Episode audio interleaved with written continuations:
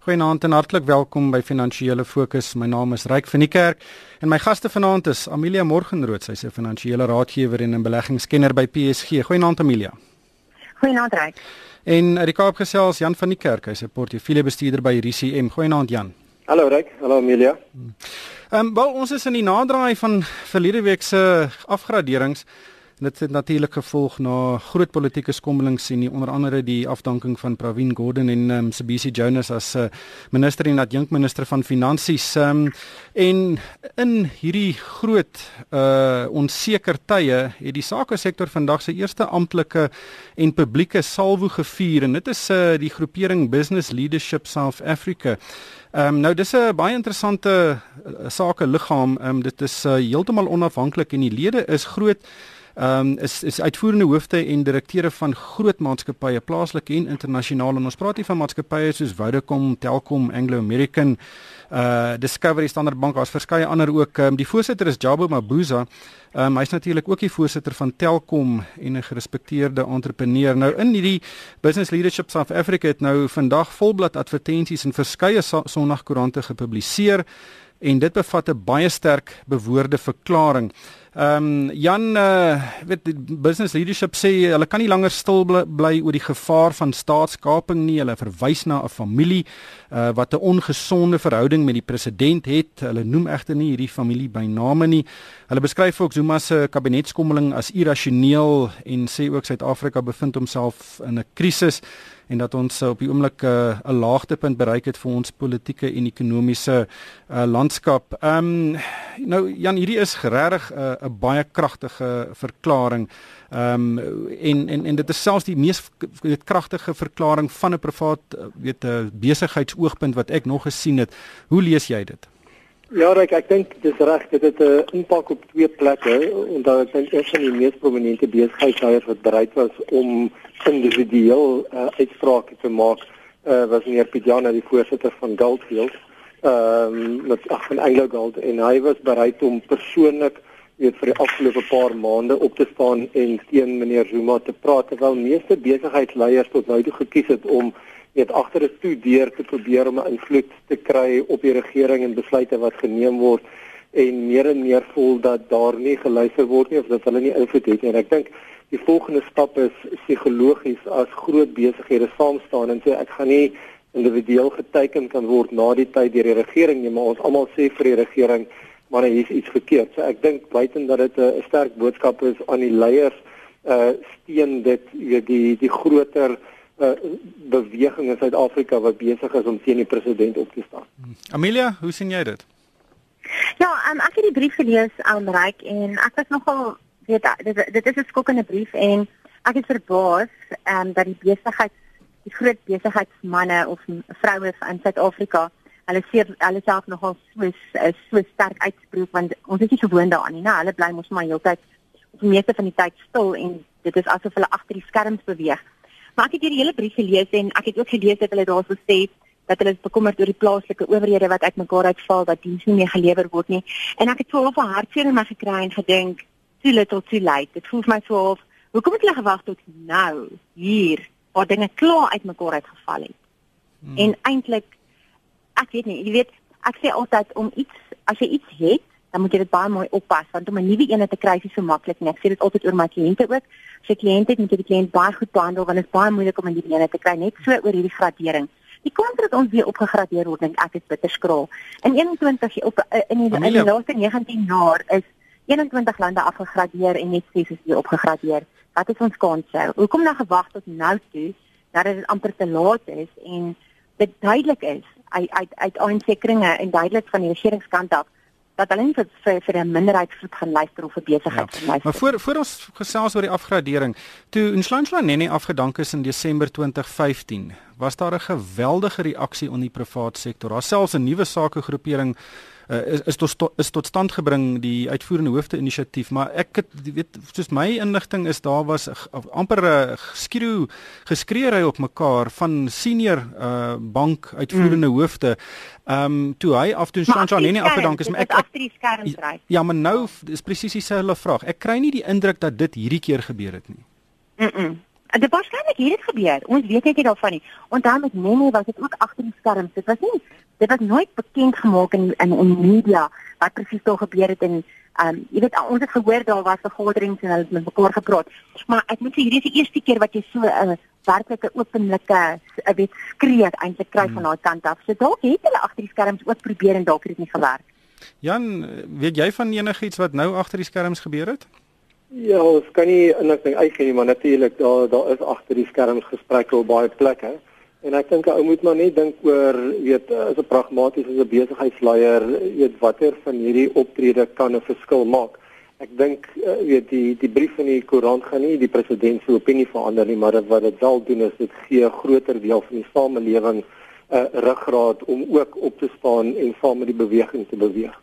Maar soos Amelia nou gesê het, kyk hierdie brief in die koerant gaan daai verhouding indien daar nog 'n verhouding is, heeltemal versuur. Ehm um, watter doel dien dit? Ja, ek dink diplomatie werk op verskillende vlakke.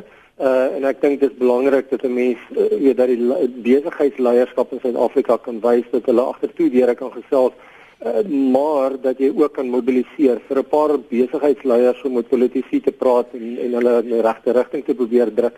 Uh, is een ding om die hele samelewing te mobiliseer is iets anders en ek dink dis die lig waarna mense moet sien.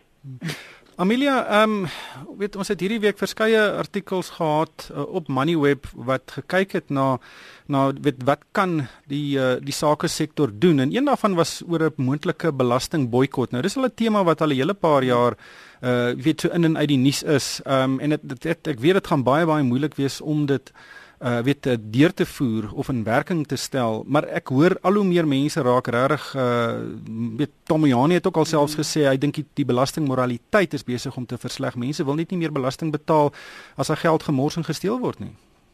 Ja en ek dink jy weet ek dink persoonlik en daar's 'n uh, openlike belastingrevolusie wees waar almal na eendag sê ek gaan nou nie meer ons gaan nou nie meer belasting betaal ons weier om hierdie jaar ons belasting te betaal. En gaan nie werk nie want SARS het die reg om geld uit jou bankrekening uit te neem. So hulle gaan dit afval net vat. En ek dink dit gaan baie moeilik wees onthou dit is waarskynlik 'n minderheidsgroep wat so voel. Nou onthou hier is 'n baie groot bevolking in ons land. Um en ek dink dis wat gaan gebeur nie. Wat waarskynlik gaan gebeur raai is dat mense gaan stadig maar seker moeg en seker sat raak vir wat met die belastinggeld gebeur en waar hulle hulle belastingvorm invul en waar daar gevra word Byvoorbeeld, het jy nog 'n eiendom wat jy uitverhuur en kry 'n huurinkomste dan sê jy nee. Het jy dalk dividende verdien hierdie jaar en sê jy nee. So mense gaan begin so stadig maar seker sekere inkomste nie meer verklaar nie en die stelsels by SARS gaan waarskynlik sukkel om dit om dit vas te pen want soos ons almal nou lees heeltyd in die koerante, al die kundigheid is ook besig om by SARS weg te beweeg. En ek hoor byvoorbeeld op sekere van die ehm um, van die op die internet of iets byvoorbeeld kan jy van sekere van SARS dokumente nie meer aflaai nie. So ek dink daar is al reeds besig om sekere weet van daai kundigheid weg te gaan en hulle gaan al hoe meer en meer sukkel om die mense vas te vat en dalk op te spoor waar hulle nie meer uh, eerlik is oor, oor hulle belasting nie. Want dit hmm. is maar normale um, menslike optrede om om dit te doen. Jan Ja, ek dink uh, dis reg Amelia verwys na individuele inkomstebelasting. Onthou die drie groot komponente van inkomste of vir belasting vir die regering is BTW, maatskappybelasting en inkomstebelasting. En individue weet eh, of jy nou jou tweede eiendom opgee of jy dividende verdien, dit gaan nie so groot impak maak nie. Uh meeste mense se inkomstebelasting word deur die pay-as-you-earn-stelsel betaal in elk geval deur hulle werkgewers. Uh en dit gaan maar weer eens vir besig om besighede wees of hulle gaan uh, weet uh, met die wet saamstem en saamwerk of nie. Die groter risiko is dat besighede oor tyd uh, die geleentheid gaan kry om hulle belastingbasis uit die land uit te skuif en mense sien dit al reeds gebeur. Uh so weet oor die kort termyn gaan daar miskien hier en daar iemand wees wat nie belasting betaal nie, maar oor die lang termyn gaan die inkomstebelasting weet basis van die land tot 'n groot mate uh verminder en dit is 'n groot impak vir ons. Ja. Ek eh, ek het ook vandag gesien dat daar ehm um, sommige voorspellings is dat die uh inkomste diens sy belastingbegroting met tot meer as 50 miljard rand kan mis. Uh uh ja natuurlik gaan dit ook meebring dat baie van ons makro-ekonomiese verhoudings soos die tekort op die begroting gaan groter wees en en weer eens dit het, dit plaas ons nie in 'n goeie posisie nie. Ja, ek dink daar's twee twee dele daarvoor. Weet as die ekonomie vinniger groei uh, en as mense weet gemaklik is om belasting te betaal, is dit makliker om belasting te in.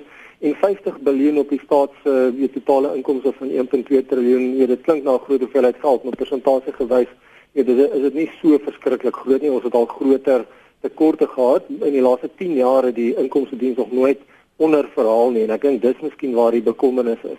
Eh, die ander punt wat ou moet maak is dat enige land se belastingwette is eintlik die strengste wette wat jy kry. Onthou uh, Al Capone weet wat 'n uh, baie bekende Amerikaanse bendefiguur was op die einde in weet vasgetrek vir belasting. Nie omdat hy mense doodgemaak het of hulle kop afgekap het nie. So weet die belastingstelsel en belastingwette is ongelooflik sterk. Uh, en enige land wat wil besigheid doen in Suid-Afrika, meeste plekke met idees as sertifikate hê dat jy in goeie stand is met jou belasting. Uh, en ek dink dit is uh, wat ouma net moet in gedagte neem dit dit gaan baie moeilik wees om te organiseer uh vir individue en of besigheid om nie belasting te betaal nie en as jy dit dan nie doen nie gaan dit baie moeilik wees om aan die tronke te bly. Hmm. Amelia, ehm um, jy het vroeër verwys na die gevolge van die afgradering. Ehm um, jy weet ons is nou 'n paar wel amper 2 weke uh, na die afgradering ehm um, en en die emosie begin nou bietjie taan die rand het nou sy bokspringe mm. gemaak en hy's nou relatief uh, stabiel uh, wat wat is die werklike impak van hierdie afgradering op die korttermyn ehm um, op uh, op Suid-Afrika en miskien kan jy net vinnig verwys ook na wat die impak kan wees op mense se beleggings Goed, en ek dink jy het heeltemal reg, die markte het nou begin stabiliseer, hulle kan spaar van die afgradering. En daar is hom wil ek sê reg dat die dat die dat die slim geld, die gesofistikeerde geld lankal reeds die afgradering ingeprys het. Ek sou sê vir ten minste die laaste 18 maande is die afgradering reeds ingeprys en daarom tot te sien dat die rand nie vreeslik gereageer het nie. Wat ek dink wanneer ons wel 'n reaksie gaan sien op die rand, dalk net kortstondig maar definitief 'n groot reaksie, is wanneer ons nog een afgradering kry op plaaslike skuld. Nou, ehm um, vir ons vir vir Suid-Afrika om uit daardie baie belangrike indeks, die City ehm um, wêreld ehm um, staatsskuld indeks uit te beweeg om uitgeskop te word moet twee twee uh, twee graderingsagentskappe ons plaaslike skuld afgradeer. Ons is nou nog net by een by Fitch.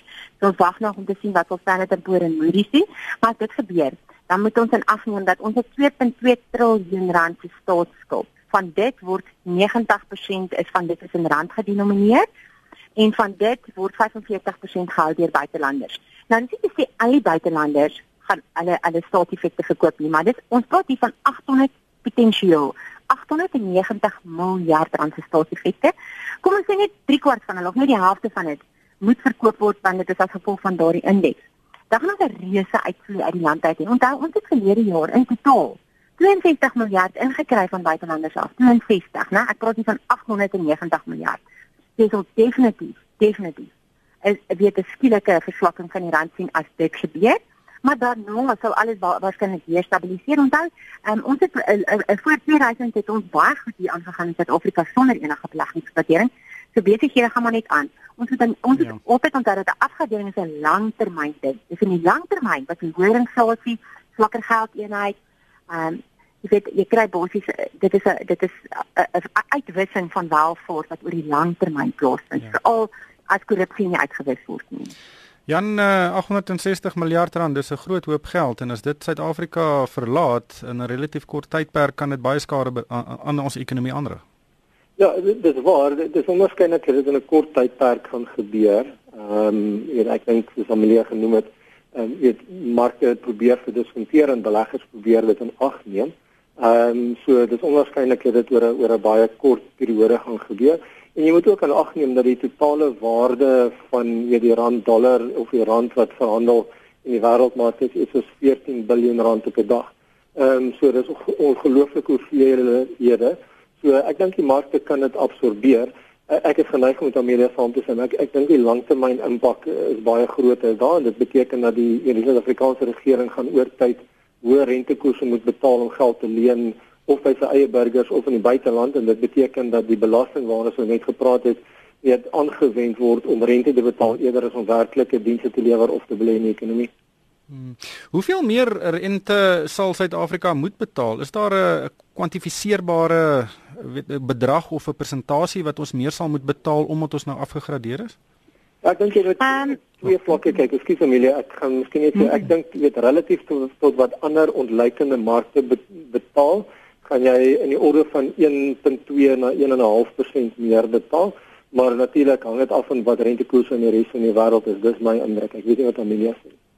Amelia? Mm, ek stem saam. Ja, definitief. Dit was nog nog steeds saam met die opkomende markte want daar's eksterne faktore wat eintlik op die oomblik ons rand beïnvloed. Ons ons eintlik in die res van die wêreld se oë lankal afgegradeer het, né?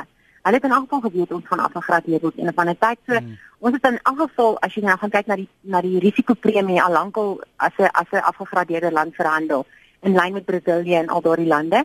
Maar as wat staatsskuld betref, ek dink ons betaal nou iets soos 13 sent uit elke rand wat spandeer word van die staat kasse kant af betaal ons aan skuld. Ek weet nie of ek reg is nie, Jan, weet jy dalk sover ek weet is dit die syfer. Ja, so tans is ons staatsskuld min of meer tussen 8.5 en 9%. My beste raadskoot is is dat ons weer nog verder afgegradeer word, kan dit opgaan na 9.5% toe. En ek bedoel dit is jy praat hierso van 'n goeie amper jy omtrent 10-15% meer. So ja. jy kan nou dink op die 13 sent uit die rand uit, dit kan dit sal definitief effek hê uiteindelik. En ja. onthou jou belastingbasis gaan basies verminder word soos wat al hierdie faktore 'n rol begin speel en almal posisioneer hulle self want almal sien in die toekoms wat gaan gebeur. So groot maatskappye, mense, almal beplan vir die toekoms en posisioneer hulle self. Ehm um, dis nie so Brexit wat onverwags gekom het nie. Jy weet hierdie ding sien ons lankal kom, so almal is e, e, het hulle self al reeds geposisioneer. Ja, ek wil net na 'n ander storie uh, gou vinnig aandag gee en dit is Brian Molefe wat uh, natuurlik 18 maande by Eskom was en hy uh, hy toe bedank nadat daar aantuigings was dat hy noue bande met die Gupta familie het. En ons vandag in die Sunday Times berig dat hy 'n 30 miljoen rand goue handdruk gekry het. Ehm um, dit is nog nie bevestig nie, maar uh weet 30 miljoen rand vir 18 maande se werk en dit word in sommige kringe as 'n bonus bestempel. Weet jy moet 'n onafhanklike ondersoek kom indien daai en da, indien daai bedrag reg is. Ja, ek dink dit is reg. Die die die berig moet bevestig word en ek vermoed daar's genoeg mense wat nou gaan aandag gee daaraan dat mense waarheid kan hoor. Maar weet ongelukkig in Suid-Afrika is ons nie verbaas weet oor die nuus nie want ons het dit al soveel kere gesien weet by ander staatsinstellings gebeur dat 'n mens om weet omtrent nie meer sensitief is daarvoor nie.